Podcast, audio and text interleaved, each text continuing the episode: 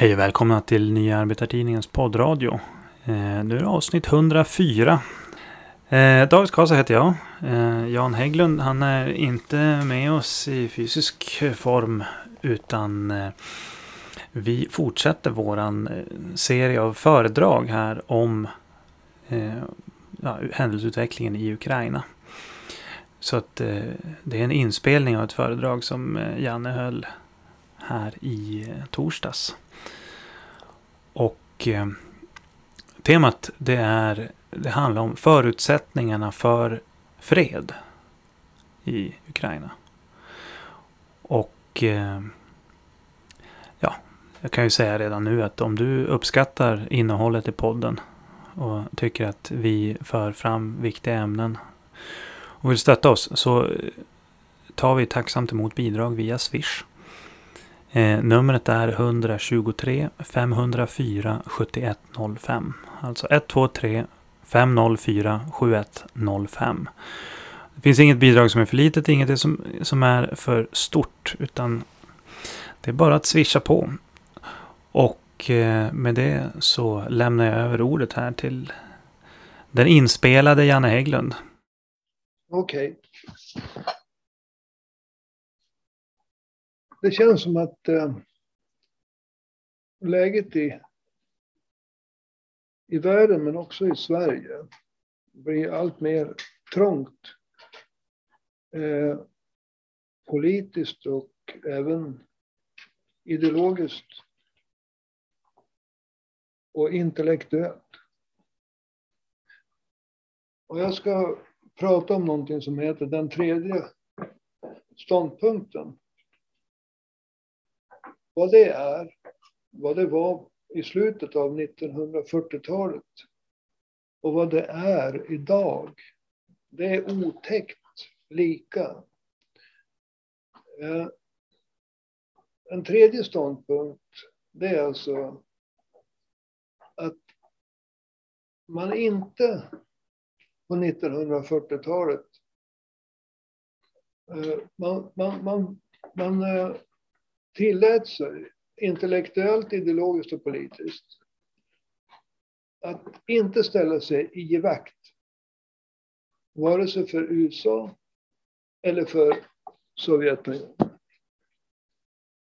Eh, det fanns ett antal människor som ansåg att USA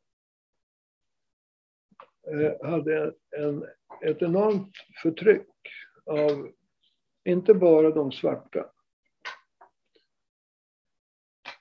Där man hade utkämpat ett inbördeskrig i USA 1861 till 1865. Men trots det fick de svarta inte sina rättigheter. Utan det dröjde till 1964 innan president Lyndon Baines Johnson undertecknade en rad lagar som gav de svarta fullständiga rättigheter när det gällde till exempel rösträtten. Eh, man såg också att USA hade ett väldigt förtryck av arbetarna. Eh, attityden mot fackföreningar var rent krigisk. Alltså svartlistning, misshandel, fysisk misshandel. Eh, och en förföljelse helt enkelt av arbetarrörelsen. Det kunde inte bildas något riktigt arbetarparti i USA och fackföreningarna pressades tillbaka. Det gjorde att ett, ett, en grupp människor eh, inte ville ställa sig i givakt för USA. Samma människor vägrade naturligtvis att eh, ställa sig i givakt för Sovjetunionen därför att Sovjet under Stalin förnekar ju människor de elementära mänskliga rättigheterna. Och i det läget så krävde man den intellektuella, politiska och ideologiska rättigheten att ha en tredje ståndpunkt. Och vad jag vill är att Arbetarpartiet ska ha en tredje ståndpunkt.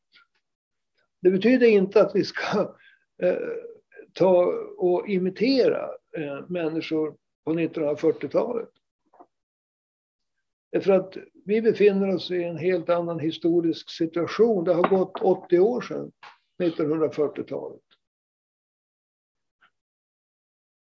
Men däremot så finns det en, en, en, en, ett behov av en tredje ståndpunkt. För att nu så... Alltså, i Sverige inskränks i praktiken yttrandefriheten i skuggan av kriget i Ukraina.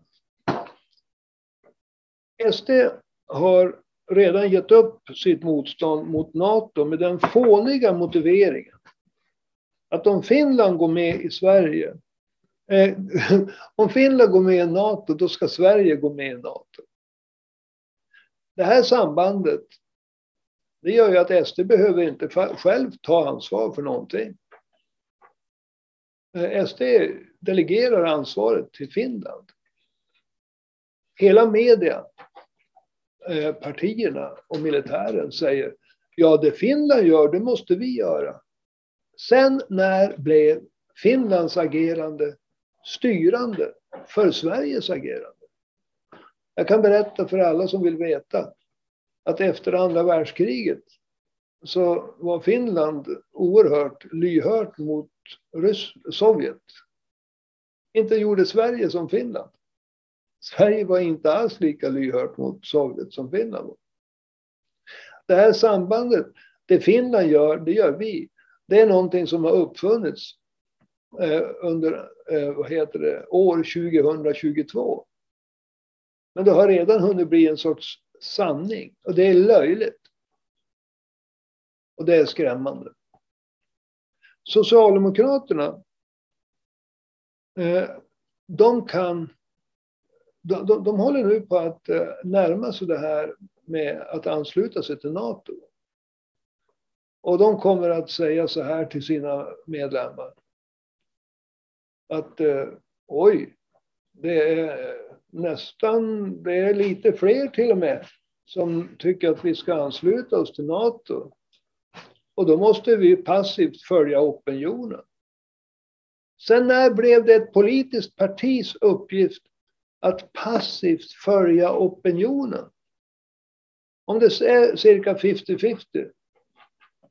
Men vi kan till och med säga att det är 51 procent för NATO och 49 procent mot svensk NATO-anslutning. Om sossarna kastar sin eh, tyngd på nej-sidan och knyter an till den tradition Sverige har haft. Att inte vara med i NATO utan alliansfritt.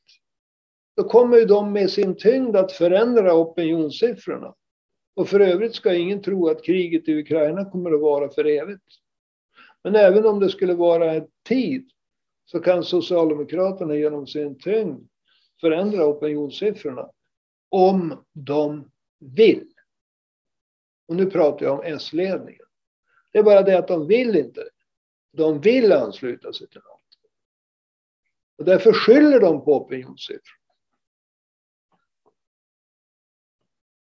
Och därmed skulle alla partier som räknas vara för att Sverige ansluts till NATO.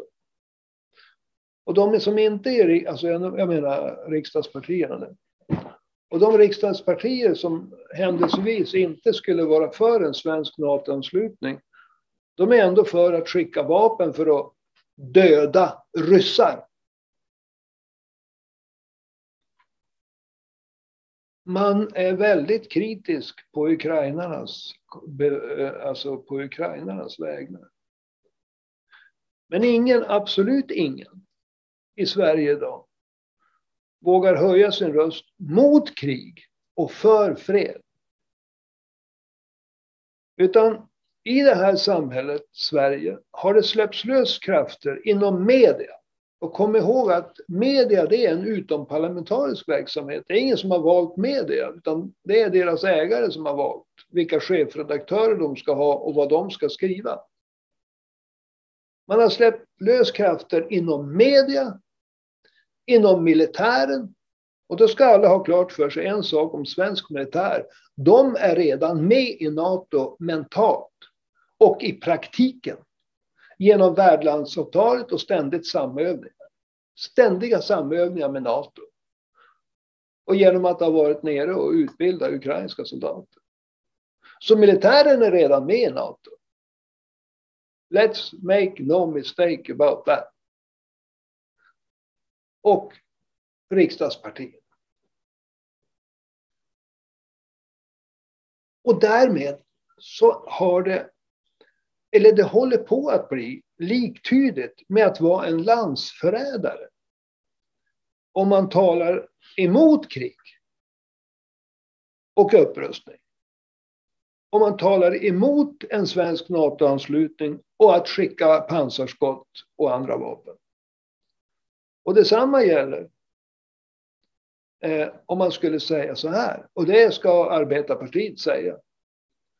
För varje extra krona till försvaret ska, så ska sjukvården ha tre, minst, extra kronor.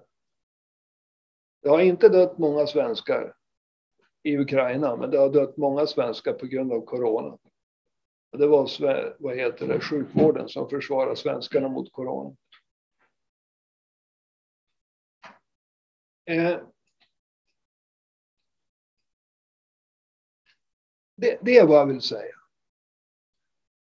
Och eh, jag ska berätta lite grann om hur de som hade en tredje ståndpunkt bemöttes i slutet på 1940-talet. De här som inte ville ställa sig i vakt vare sig för USA eller för Sovjetunionen. De blev väldigt hårt angripna av eh, borgerligheten som ville att Sverige skulle NATO-anslutas och därmed ingå i alltså NATOs grundläggande eh, sätt att eh, föra krig består av två saker. Det är anfall och det är kärnvapen. Alltså NATO har alltid byggt på kärnvapeninsatser som eh, en, en, en, en kärna. Och det andra är att NATO kämpar aldrig på hemmaplan utan all, alltid på bortaplan. Och det innebär att man måste alltid lära sig att, att anfalla och kriga i andra länder. Det svenska värnpliktsförsvaret, det var alltid försvar. Därför att ett värnpliktsförsvar kan inte nämligen kriga i andra länder. Det, det, går bara att använda, det, det, går bara att använda till försvar. Av olika skäl. Men de som då på 40-talet Eh, inte ville eh, ansluta sig till USA eller till, till, till staden Sovjet. De angreps som förrädare av borgerligheten. Och då var det så att det fanns en del av borgerligheten som tyckte att vi ska inte angripa de här så hårt. Men de är ju inte för Stalin, de är inte kommunister, de är intellektuella personer som har liksom eh, en del vettiga synpunkter. Man, man måste bemöta dem med hyfs och respekt. Den som då slog an tonen i Sverige, han hette Herbert Tingsten. Och Herbert Tingsten, han ansåg inte att de skulle bemötas med respekt och, och intellektuella Eh, argument. Utan de skulle stämplas som halvkommunister, halvryssar, rödingar och så vidare. Och eh, det, Herbert Tingsten lät till och med, han gick så långt att när Expressen lät en person föra fram de här åsikterna, att man kanske ska ta en seriös debatt och inte kräva, liksom, inte kalla dem för kommunister och rödingar och antyda att de var landsförrädare, utan ha en riktig debatt. Så angrep Herbert Tingsten andra borgare för att de var för, för mjuka mot de här. De här tredje ståndpunkterna, de är för, alltså, de ska angripas hårt. Det ska inte få, det ska inte få finnas. Man ska välja mellan USA och, och Stalin. Och då ska man välja USA. Och det ska inte få finnas något jävla utrymme för någon tredje ståndpunkt. Ge vakt USA and that's it. I den här debatten som jag studerade på, genom att läsa den här boken, studera låter så pretentiöst, som jag satte mig in i genom att läsa den här boken. Någon gång i slutet på eh, 80-talet så släppte man lös eh, enormt eh, obehagliga krafter. Och det är ganska viktigt att ni alla känner till, vad heter det, det här. Det var alltså en person som de mobiliserade. Han var nazist, en, en överliggare i Uppsala. Men eh, eh, på grund av att man behövde de, de mest eh, vulgära personerna så, så, så, så um, var det okej okay, eh, med honom. Och eh, den här eh, nazisten, överliggaren vid universitet, han hette så mycket som Sune Hjort. Och eh, han fick plats i tidningen Expressen. Jag ska citera honom strax, men ni ska veta en sak. USA hade en president som hette Harry Truman. Det här var eh, på 40-talet. Och eh, USA hade också en general som hette Douglas MacArthur. Den här generalen, Douglas MacArthur, han ville att man skulle kärnvapenbomba Kina. Och det sa han rakt ut.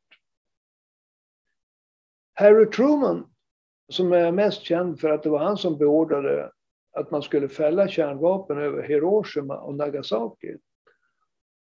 Eh, han blev väldigt förskräckt. För att kärnvapenbomba Kina, det här var på den tiden Kina och Sovjet var bästa vänner. Det skulle riskera att USA hamnade i ett kärnvapenkrig med Sovjetunionen. Så Harry Truman avskedade Douglas MacArthur eftersom han var ett hot mot eh, han var ett hot. Alltså, han, han, han kunde åstadkomma ett kärnvapenkrig. Alltså, så mycket stod på spel. Så i USA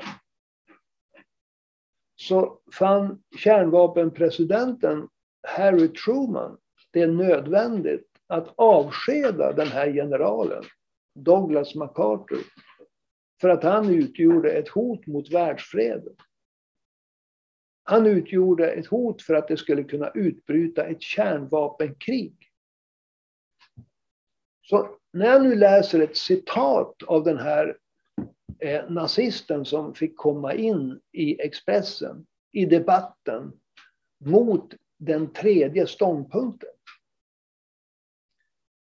Så, så ska ni förstå att när han nämner ordet Truman, då nämner han en väldig hårdhet mot eh, all opposition. Men när han nämner ordet Douglas MacArthur, eller MacArthur, då nämner han kärnvapenkriget. Och det här, det här tilläts skrivas i Sverige i, i, på 40-talet. Eh, Sune Hjort, hans svar blev ett av debattens mest militanta inlägg. Han skriver, jag anser tvärtom att hundratals miljoner människor förtvivlat suckar efter befrielse från kommunismen. Och jag anser också, hör och häpna, och så vänder han sig mot de mjuka borgarna som vill ha en lite mer nyanserad diskussion att det vore både hederligt och klokt att just med vapenmakt söka befria dessa grymt plågade miljoner. Och så kommer det. Ja, jag går till och med så långt att jag inte ens är nöjd med Trumans beskedliga korstågspolitik. Utan jag föredrar den makartiska linjen. Vad han säger, det är att han föredrar ett kärnvapenkrig. Sådana krafter släpps lös i Expressen i samband med att eh, betvinga de som hade fräckheten nog att stå upp för en tredje ståndpunkt. Vad har då det här med Sverige idag att göra? Ja, det ska vi direkt gå in på. Eh, den 28 mars, och det är inte så länge sedan, i år alltså, så var det en som heter Per Werthén som ville ha en mer nyanserad diskussion i eh, skuggan av Ukraina-kriget. En sån diskussion som Arbetarpartiet vill ha. Men då eh, är det återigen Expressen som mobiliserar en skribent som heter Jens Liljestrand. Som skriver den 28 mars klockan eh, 06.00 är det publicerat. Per Werthén efterlyser röster som ifrågasätter och komplicerar debatten kring Vladimir Putins krig. Mm. Och sen säger Jens, så sen börjar Jens Liljestrand eh, liksom tala om vad Per Werthén är för någon. Hans uppfattning är så absurd att det vore som om man skulle fråga sig om svarta afrikaner var dumma eller homosexuella eller psykiskt sjuka. Alltså, Per Wirtén... Du menar att homosexuella var psykiskt sjuka? Ja, alltså Per Wirténs... Eh, han efterlyser röster som ifrågasätter och komplicerar. Det är lika dumt som att påstå att svarta afrikaner är dumma eller homosexuella eller psykiskt sjuka. Hans ståndpunkt är lika befängd. Och sen skriver Jens Liljestam det Werthén saknar, tror jag, är en tredje ståndpunkten-debatt. Liknande, liknande den under kalla kriget på 40-talet. Alltså, han går direkt in på den. Eh, och eh, sen så skriver han då det är väldigt få personer som förstår vilka människor han åsyftar. För att det fanns två författare, en som hette Artur Lundqvist och en Karl Wennberg, som var eh, som uttryckte den här tredje ståndpunkten, stå, eh, vad heter det, positionen då på 1940-talet. Evertén saknar, tror jag, en tredje ståndpunkten-debatt liknande den under kalla kriget då många svenska intellektuella ansåg att man inte borde ta ställning mellan öst och väst. Fegheten hos sådana som Artur Lundqvist och Karl Wennberg är med facit i hand beklaglig men kanske begriplig med tanken på bristen på information om lägren, våldet och tortyren i Stalins slavstater å ena sidan. Bla, bla, bla.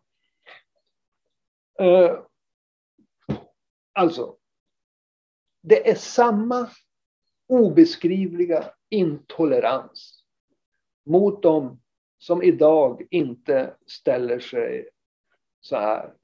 Historien, den började inte för 7000 år sedan. Utan historien började den 24 februari 2022. Då Vladimir Putin, den ryska regimen, anföll Ukraina.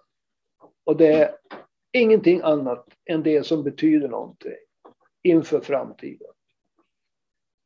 Jag är ledsen mina vänner, men det är inte sant.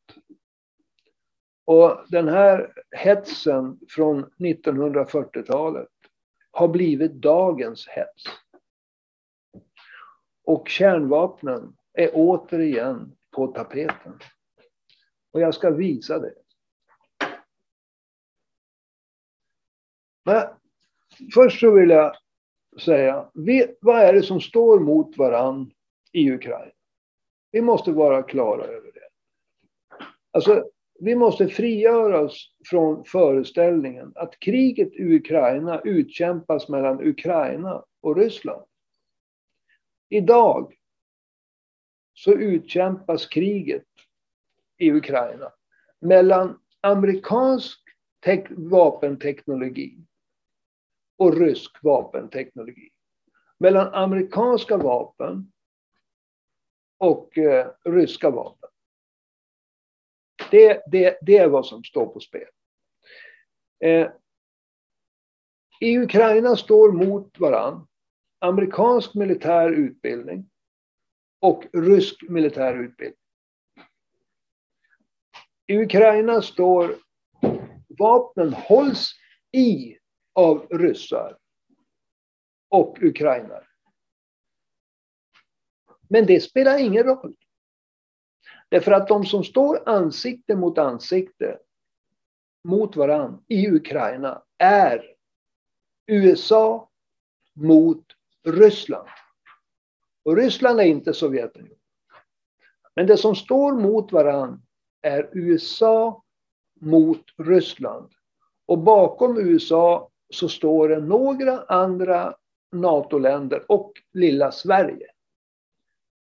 Precis som i Afghanistan så står de svenska militärerna bakom USA i Ukraina idag. Att sen vapnen hålls i av ukrainare, det saknar betydelse. Jag ska ge alla några siffror här. Sen 1900, 2014 så har eh, USA skickat vapen och militär utbildning till Ukraina för 3,1 miljarder dollar. Sen kriget bröt ut så har USA skickat vapen och militär utbildning till Ukraina för 2,5 miljarder dollar. Och nu kommer det ytterligare ett stödpaket på 800 miljoner dollar. Det blir sammanlagt 6,4 miljarder dollar från USA till Ukraina. Och det, till, till det kommer då från olika EU-länder 1,5 miljarder. Så att vad vi kan säga det är väl att eh, mellan 7,5 och 8 miljarder dollar har eh, den ukrainska alltså krigsmakten byggts upp av främst USA och lite grann då av NATO och där Sverige har bidragit.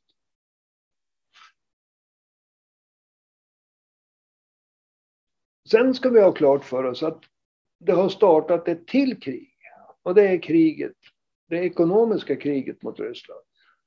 Det går inte att, det går inte att förstå om man säger att det är sanktioner, utan sanktionerna är så omfattande så att det, det, det enda ord man kan säga det är ekonomisk krigföring.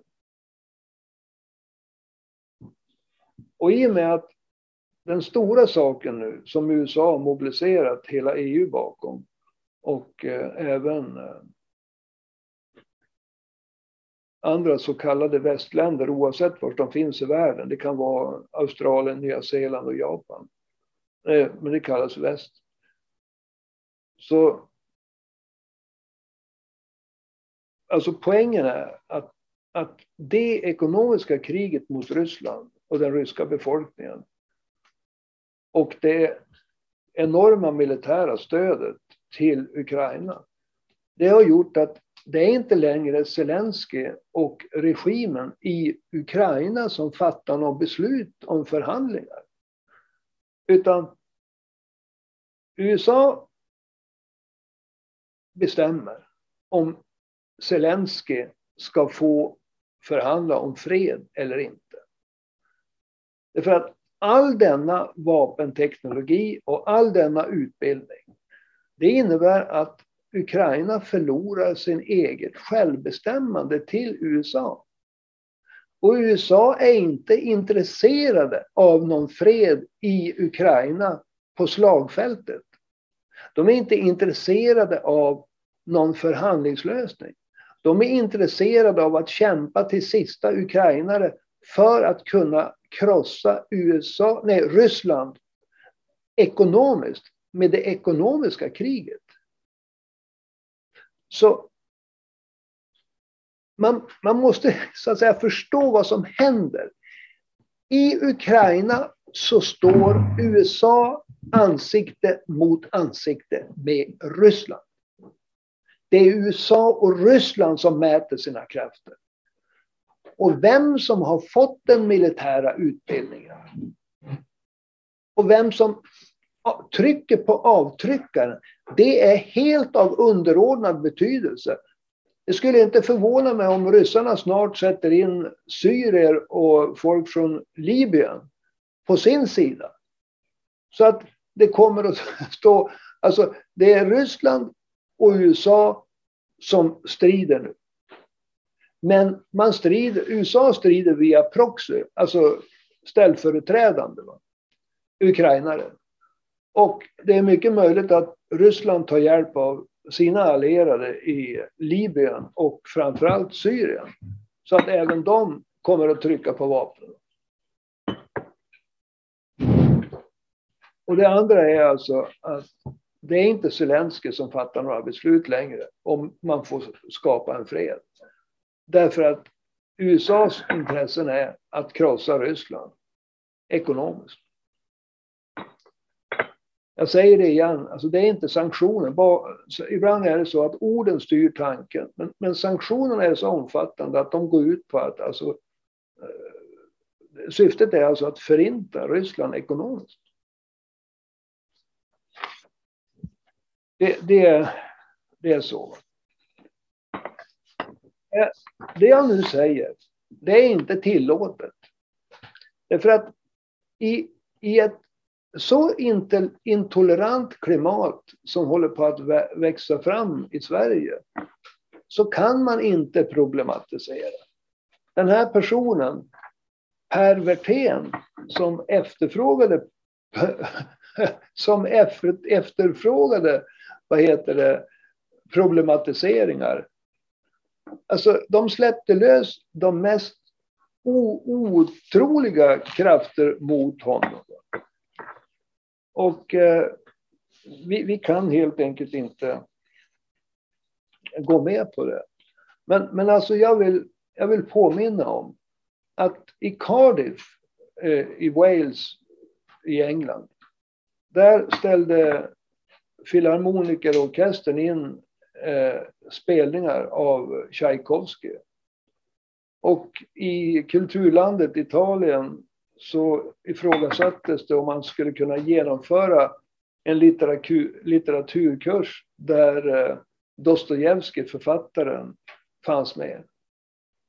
Och båda två dog i slutet på 1800-talet. Den ena någon gång under 1880-talet och den andra någon gång under 1890-talet. De tillhör världskulturarvet. Jag vill påminna om att Arla kunde inte ha kefir i sin ursprungliga form och att rysktalande barn i Sverige blir trakasserade. Jag vill påminna om att det heter inte längre bland journalister att Ryssland blev ut, utstängda eller uteslutna från VM i fotboll. Utan journalisterna börjar liksom prata om att Ryssland blev utslängda. Och det är en skillnad. Alltså, eh, skillnaden är en brutalisering och en primitivisering av eh, debatten. Inte bara synen mot, på, på den ryska befolkningen, utan på debatten. Och ändå så är det eh, vad som behövs, det är allt annat än en, vad heter det, primitiv, alltså att vara primitiv. Utan vad som behövs, vad som behövs är verkligen att man, att man problematiserar. Och att man eh, försöker fördjupa diskussionen. Vi... Man, för, att, för att kunna titta framåt och för att kunna förespråka någonting som inte leder till, till nya storkrig och inte till några kärnvapenkrig så måste man alltså kunna göra en analys av på minst tre nivåer. Och den första analysen det är epoken. Och vi har pratat gång på gång om att vi befinner oss i en epok som påminner om den som började 1914 med första världskrigets utbrott och slutade 1949 då Mao Zedong utropade Folkrepubliken Kina. Och under den tiden så utkämpades två världskrig. Eh, oktoberrevolutionen genomfördes i Tsarryssland och Eh, vad heter det, den första arbetarstaten upprättades. Den gick under och stalinismen tog över. Och vi såg också fascistisk reaktion. Nazismen tog över i Tyskland, fascismen i Italien och Spanien. Alltså det var en ofattbart turbulent period. Sen 2012 har vi sagt att vi lever i en likadan period. Och vi har pekat på kriget i Afghanistan. USA har varit där i 20 år. Förlorade det kriget. Och USA begick otroliga grymheter där.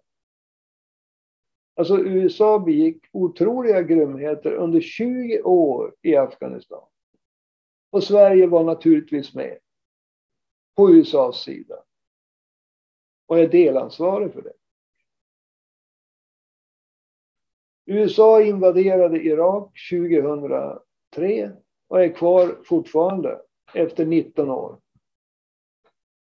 Och hur USA har agerat i Irak, det var det som skapade IS. Alltså utan USAs invasion och handelsblockader mot Irak hade vi aldrig sett IS. Men det är USAs grymheter.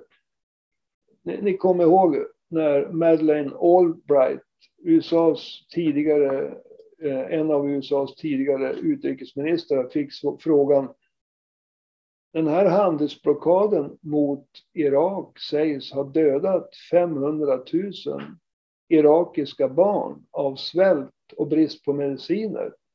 Var det värt det? Och hon svarar då. It's a tough, it was a tough choice. But yes, it was worth it. Det är också borta. Va? Men det tillhör den här perioden. Så vi måste inte bara analysera det som händer i Irak. Historien började inte den 24 februari. Men bara för att alla ska vara klara över det. Våra ståndpunkter när det gäller Ukraina, de är väldigt tydliga. Skulden för krigsutbrottet den 24 februari ligger på den ryska regimen och det är den ryska regimen som måste ta initiativ till eldupphör. Och den ryska regimen måste också dra tillbaka trupperna från Ukraina. Och jag tycker själv att de borde bidra till Ukrainas återuppbyggnad. Och där har vi två nivåer. Vi har epoken och vi har det som händer i Ukraina. Men det finns också en tredje epok. Det finns en tredje nivå med det.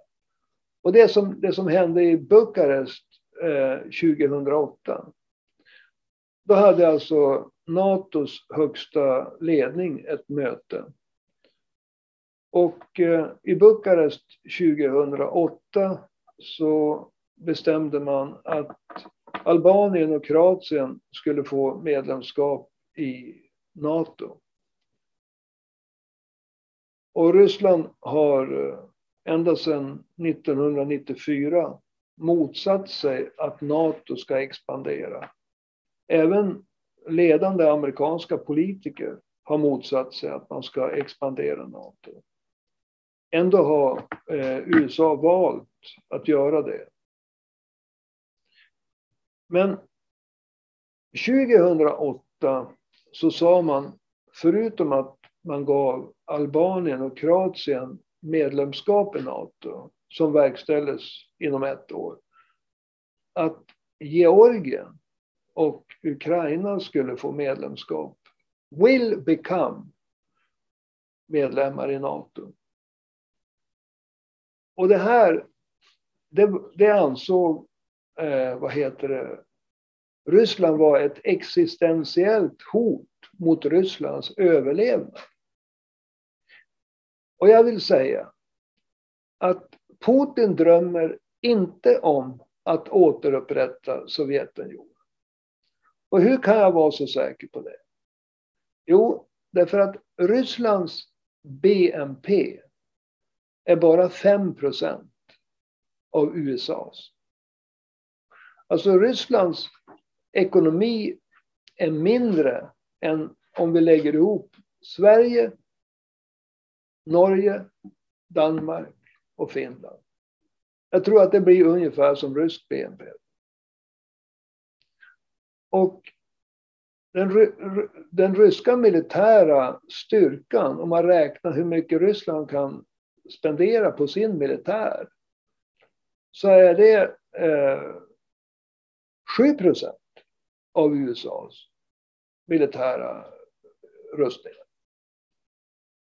Och, och, och egentligen är det mycket mindre därför att USA har haft liksom 50 år på sig att bygga upp ett system med, med baser runt hela världen. Så att, men okej, okay, för ett år så är det 7 procent. Nu ska man ha klart för oss att bara England, Frankrike och Tyskland de är ensamma i paritet. Alltså de, de, de, är ensamma lika mycket, de lägger ensamma ner lika mycket pengar på vapen som Ryssland. Så när man pratar om den ryska björnen så är det fake news. Men det är inte av fake media, utan det är av traditionella media.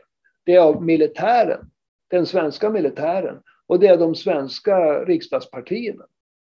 Det finns ingen rysk björn.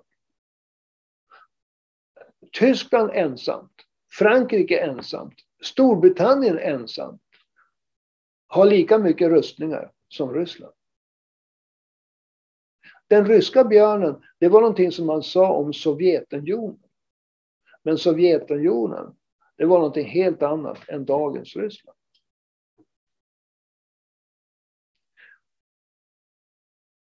Nu säger alla inom den svenska militären och den svenska media och de svenska riksdagspartierna. Det är inte tillåtet för Ryssland att eh, säga att eh, de känner sig utsatta för ett existentiellt hot och att de har intressesfärer. Stormakter får inte ha intressesfärer. Ja, nu är det ju väldigt eh, nu kan man ifrågasätta om Ryssland är en stormakt. Det är ett definitivt stort land och de producerar väldigt mycket viktiga saker. Men rent ekonomiskt och militärt så är inte Ryssland Sovjetunionen. Alltså glöm det. Glöm det. Men varför? Alltså så här. I april 2008 så sa NATO Georgien och Ukraina kommer att bli medlemmar i NATO. Sen tog det fyra månader så anföll Ryssland Georgien. Och det enda skälet till att Ryssland anföll Georgien var för att de ville markera att de såg det som ett e-, hot mot Rysslands existens om NATO, och det betyder USA, skulle placera ut kärnvapen i Georgien. Och eh, sex år senare så... Och Georgien är inte en medlem i NATO. Det hade de varit annars.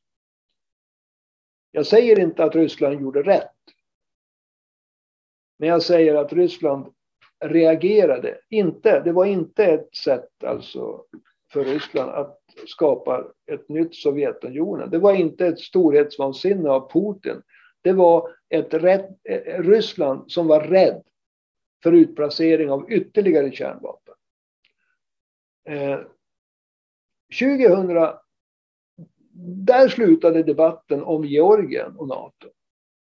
Men debatten om Ukraina och NATO fortsatte. Så 2014 så angrep eh, Ryssland Ukraina. De annekterade Krim. Det förekom i stort sett inga strider där. Och de upprättade de här två låtsasrepublikerna. Eh, vad heter de? Luhansk och eh, Donetsk. Donetsk. Och därmed markerade Ryssland att Ukraina får inte bli medlem i NATO. Och varför anser då Ryssland att det här är ett existentiellt hot mot Rysslands fortsatta överlevnad? Jo, det är bara om, om Ukraina går med i NATO, då kommer USA att placera ut kärnvapen, eh, raketer vid Ukrainas gräns mot Ryssland. Och då är det 45 mil, 45 svenska mil från den gränsen till Moskva. Och det är för mycket för, för Ryssland att acceptera. Och därför så anser Ryssland att Ukraina, om de är med i NATO eller inte, det kallar man för intressesfär. Nu skriker den svenska media och svenska militären och de svenska partierna att en, en stormakt som Ryssland, den ryska björnen som inte finns, de har inte rätt att ha intressesfärer. Då ska vi gå och titta i historien. Har då USA rätt att ha intressesfärer? Om det är så att varje land har den absoluta rätten att göra vad de vill. Även i förhållande till en stormakt eller supermakt. Kuba hette ett land 1962 som ständigt var utsatt för eh, ekonomiskt sabotage och fysiskt sabotage av USA.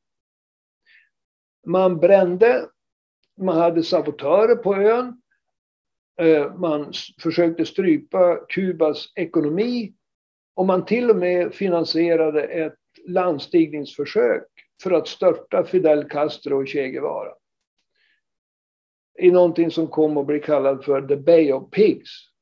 Jag tror att det var 1961. I det läget så kände sig USA, eh, Kuba eh, väldigt angelägen att placera ut raketer för att försvara Kubas existens. Raketer som innehöll kärnvapen. Om nu den nationella självständigheten är fullständig och okränkbar så borde ju naturligtvis Kuba ha rätt att placera ut kärnvapen för att avhålla USA från att sabotera fysiskt, ekonomiskt och kanske göra ett nytt invasionsförsök. Kom nu ihåg att USA försökte genom att beväpna exilkubaner att invadera Kuba men de blev tillbakaslagna. Hade Kuba eh, anledning att, att uh, oroa sig för sin överlevnad? Ja, det hade de. Alltså bad de Sovjetunionen att placera, om kärnvapen, att placera ut kärnvapenraketer. Inte för att de tänkte starta ett kärnvapenkrig mot USA, utan för att avhålla USA från dessa ständiga provokationer. I det läget, när Ryssland Eh, nej, jag menar Sovjetunionen skickar båtar med eh, kärnvapen som skulle till Kuba. Då bestämde John F Kennedy, USAs president, att om ni passerar den här breddgraden med era båtar, då kommer vi att sänka era båtar. Och det är allmänt erkänt bland alla världens historiker att världen har aldrig någonsin stått så nära ett fullskaligt kärnvapenkrig som då. Det kallas Kubakrisen 1962. Så vad gav USA rätten att säga till Sovjet att om ni passerar just den här linjen på vattnet, då kommer vi att sänka era skepp. Jo, det var att USA hade rätt till en intressesfär. USA hade rätt att säga nej. Vi vill inte ha kärnvapen utplacerade så nära Washington, så nära New York, så nära Boston och framförallt inte så nära Miami i Florida. Och därför så är Kuba, det ligger inom vår intressesfär. Och vi är beredda att riskera ett kärnvapenkrig för att stoppa utplaceringarna av kärnvapen på Kuba. Om nu alla svenska militärer, media och politiker som gapar om att Ryssland inte har rätt att känna att dess existens, eh, existens hotas om eh, vad heter det, Ukraina går med i Nato. Och USA placerar ut kärnvapen 45 mil från Moskva. Så borde man ju naturligtvis ta Kuba i beaktande och säga att när rollerna var ombytta så var det ingen som gapade. Det här innebär inte att vi i arbetarpartiet ska säga att på grund av det som hände 1962 så ska vi inte kritisera Putin idag. Det är inte så. Men det är så att världen kan började inte den 24 februari i år då Putin-regimen angrep Ukraina. Utan jag säger det igen, vår politik står fast. Det var Ryssland som startade kriget. Ryssland måste blåsa eldupphör. Ryssland måste dra hem sina trupper från Ukraina. Och Ryssland måste bidra till att återuppbygga Ukraina. Men historien stannar inte där. Vi måste dessutom säga att hur ska man kunna kämpa för att börja trappa ner? Den svenska militären vill trappa upp. De svenska riksdagspartierna vill trappa upp. Eh, den svenska media vill trappa upp. Både de, den ekonomiska krigföringen mot Ryssland och eh, kriget i Ukraina mot Ryssland. Och kom nu ihåg, beslutanderätten över fredsförhandlingar mellan Ukraina och Ryssland, det är inte i Zelenskyjs händer, det är i Joe Bidens händer. Det finns ingen som helst tvekan om det. Ingen som helst tvekan om det. Därför att eftersom Ukraina är så oerhört beroende. Eftersom det, det enda ukrainarna gör det är att hålla i vapnen. Medan vapnen i sig och den militära utbildningen är USAs. Och eftersom USA är inne på att förinta Ryssland ekonomiskt så finns det inget intresse hos, hos USA att, att, att det ska bli någon fred i Ukraina. Idag. Det är också en del av verkligheten och det finns de som inte vill höra denna del av verkligheten. Men om det ska kunna finnas någon röst som säger när, man måste kunna ställa frågan när ska vi börja trappa ner kriget? När ska vi börja arbeta för fred? Om de frågorna ställs, då, då kommer nästa fråga. Men hur ska vi trappa ner? Hur ska vi arbeta för fred? Ja, då blir det komplicerat för de som inte vill att det ska få finnas en tredje ståndpunkt.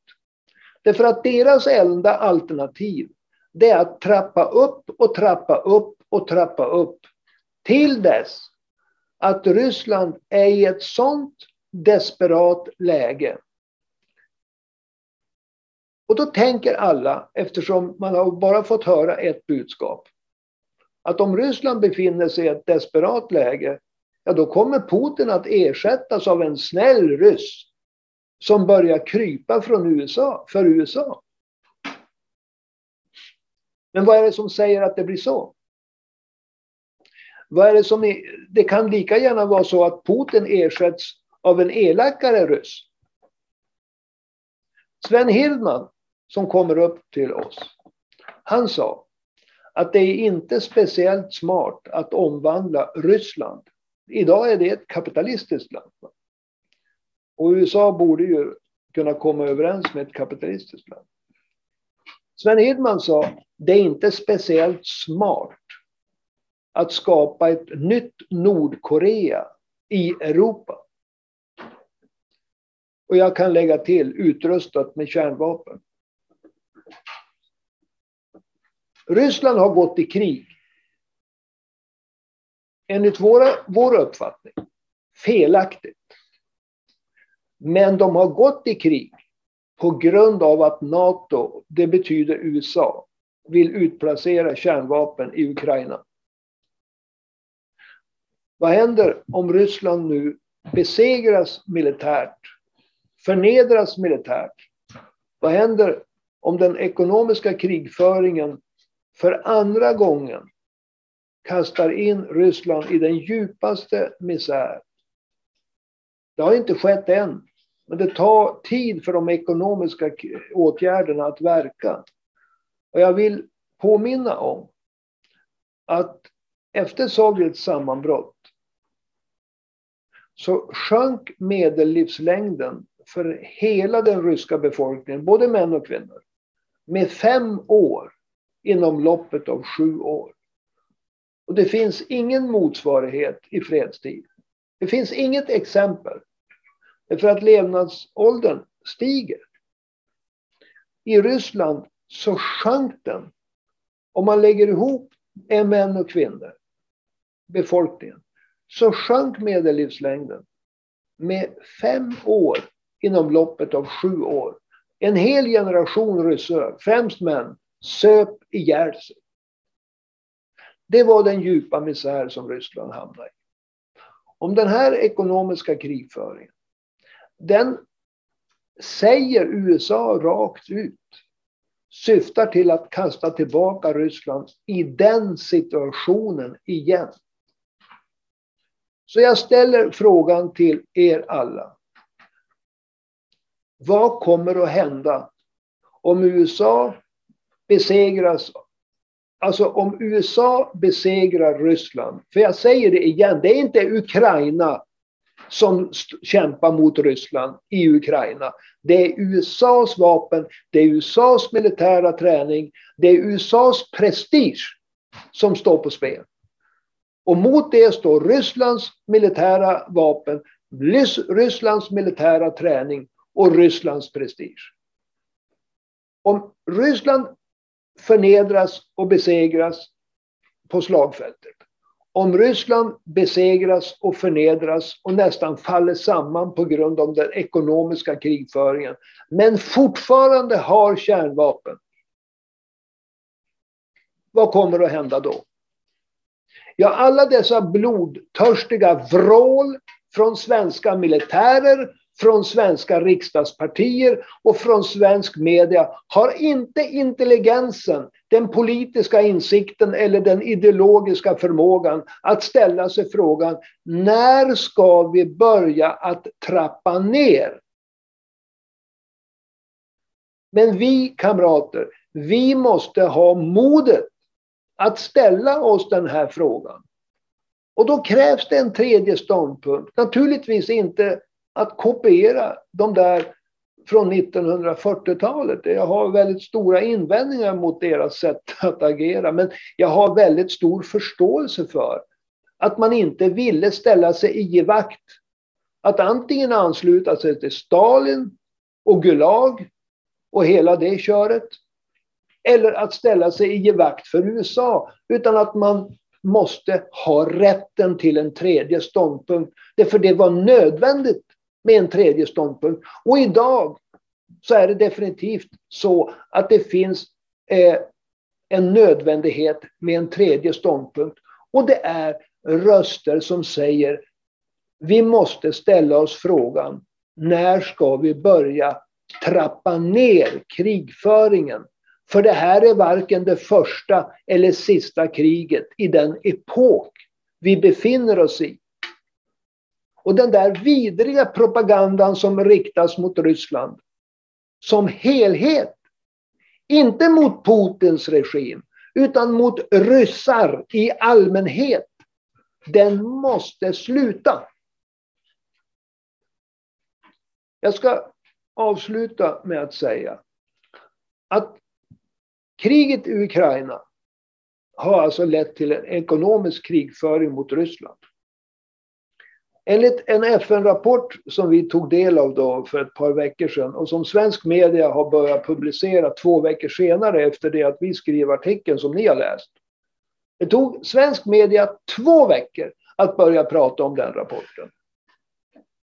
Så riskerar kriget i kombination med de ekonomiska sanktionerna mot Ryssland att kasta ut 1,7 miljarder, inte miljoner, utan 1,7 miljarder människor i fattigdom, misär och hunger.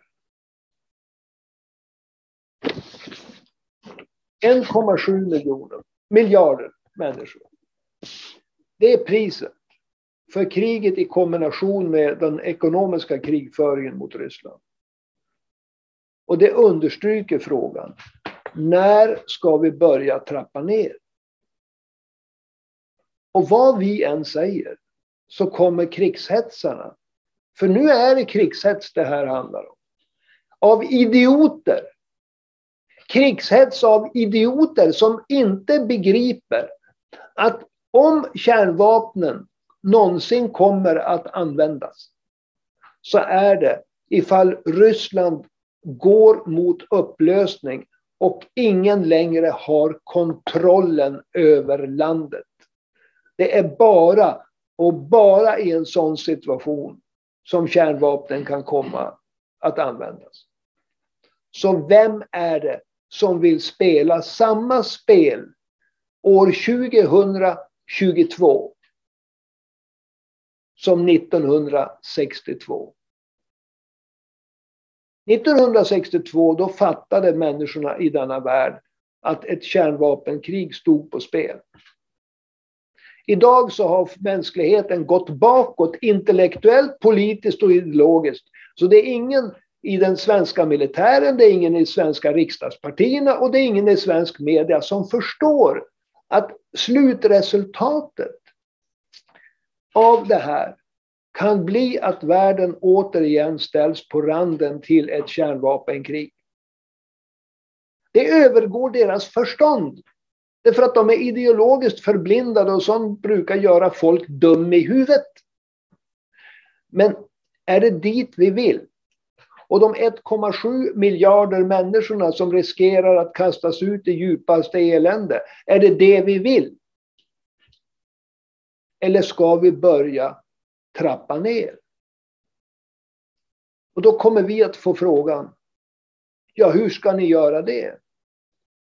Ja, det vet vi ju inte. Men vi vet ju att det måste göras. Men vi kan, kommer att svara tillbaka. Vill ni ha ett kärnvapenkrig? Om man inte vill driva utvecklingen, jag säger inte att det blir ett kärnvapenkrig, men jag säger att det kommer att uppstå en risk för ett kärnvapenkrig om Ryssland slås sönder och samman. Och är det risken ni vill ta? Det vill inte vi. Det vill inte vi. Och därför så måste man tillåta sig en tredje ståndpunkt. Man måste tillåta sig att göra en analys på tre plan. Alltså, den som började den 24 februari med Putins förkastliga invasion. Man måste ställa sig frågan, varför provocerade USA Ryssland 2008 genom att säga att Georgien och Ukraina skulle bli medlemmar i NATO. Varför? USA hade redan ett eh, band av baser runt hela världen. De behövde inte Georgien och eh, Ukraina som medlemmar i, i NATO. Det var en provokation. Och den tredje nivån, det är ju naturligtvis den epok vi befinner oss i. Där land efter land inte längre är beredd att dansa efter USAs pipa. Och det sista jag vill säga till er alla, det är man måste kunna hålla mer än en tanke i huvudet samtidigt. Och det betyder att samtidigt som vi säger att kriget i Ukraina är Rysslands fel och vi fördömer att angreppet från Putin så måste vi kunna säga att det var väldigt fel av USA och NATO att säga att Georgien och eh, Ukraina skulle bli medlemmar i NATO. För det fyllde ingen annan roll än att vad heter det, provocera Ryssland. Och förnekar vi Ryssland att känna sig hotat av att man placerar ut kärnvapen 45 eh, mil från Moskva. Förnekar man Ryssland att vara rädd för det, då måste man också förneka USA rätten att vara rädd för att Fidel Castro placerade ut kärnvapen på Kuba. Och i det här fallet så måste man jämföra saker med varandra. Men kärnpunkten i vad jag vill säga är att det måste vara tillåtet och vi ska skapa det, det utrymmet att bekämpa krig, att bekämpa upprustningen, att vara en röst för fred. Därför det finns ingen sån nu. Det finns ingen medveten organiserad röst mot ytterligare upprustning, mot ytterligare eh, vad heter det, krigsinsatser. Det finns ingen röst som medvetet säger det är dags att börja trappa ner. Priset är för högt. Men vi har en skyldighet att göra det. Och det är därför som vi tar hit Sven Hirdman. Vi hoppas att han ska fylla en roll i det.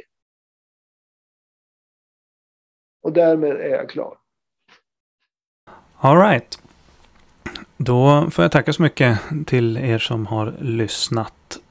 Det här är som sagt Nya Arbetartidningens poddradio. Tycker du att vi tar upp viktiga ämnen och vill stötta oss så swisha en slant, stor eller liten, till 123 504 7105. Alltså 123 504 7105. Finns inga bidrag som är för små, inga som är för stora heller. Och eh, det var allt för idag. Jag heter David Skasa. Vi hörs igen nästa vecka. Hej då!